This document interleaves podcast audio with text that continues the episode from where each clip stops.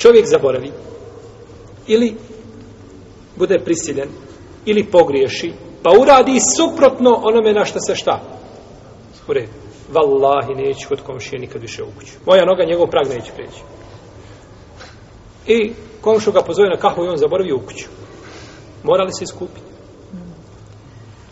Poslanik sa osaname kaže u hadisu, koji ima dobar lanac preoslaca, koga smo više puta spominjali, inna Allahe teđa, inna Allahe teđavoze na ummeti el hatab, on nisjan, o mestukrihu alejhi. Kaže, Allah je prešao mome umetu preko onoga što zaborave i što pogriješe i na što su prisili. Zaborave i pogriješe i na što su prisiljeni. Kaže uzvišeni Allah te barek tala Rabbena la tu ahidna in nesina e ahtana. Allah dragi nemoj nas kažnjava za ono što zaboravimo i što pogriješi. Pa je došlo u hadisu da je uzvišeni Allah rekao kad fealt, a u drugoj predaj nam. Jeste, tako je. Neću vas kažnjavati za ono što šta pogrešite ili zaboravite. Walakin yuakhidhukum bima kasabat kulubukum. Ali vas kažnjavat će vas za ono što srcima odlučite. Ovaj kada je krenuo komši na kahvu, je on srcem krenuo u smislu da prekrši zakletvu? Nije mu nekaj pamet bila zakletva. Ili te neko prisili, ti sve kao neće to, kaže žena moraš ići. Žena te prisili da odeš tako.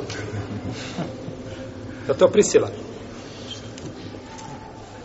Neko te prisili da nešto uradiš. Neprijatelj te prisili na nešto. Pa da prisili da kažeš riječ kufra. Ništa nije, ne moraš se ni iskupiti. Amara ibn Jasira su prisiljava da govori pogrešno poslaniku, sa osrema, jel da pogrdno govori, pa ništa mu to nije, znači prisila je u šarijatu, jeli, poseban hal. A zaborav, a zaborav je, jeli, ovaj, isto tako stanje u kome čovjek ne može svjesno da razmišlja. I pogledajte pravde šarijata. Uzvišen je Allah, kada bi pogriješio i kazao suprotno onome što se ciljao, uzvišen je Allah, a znači a, akceptira ono što je u čovjekovom srcu, a ne ono što je bilo šta na jeziku. Jer jeziko može napraviti lapsus, jel tako, ne može srcem. Ne može srce napraviti lapsus da u srcu vjeruje da, da imaju dva Boga.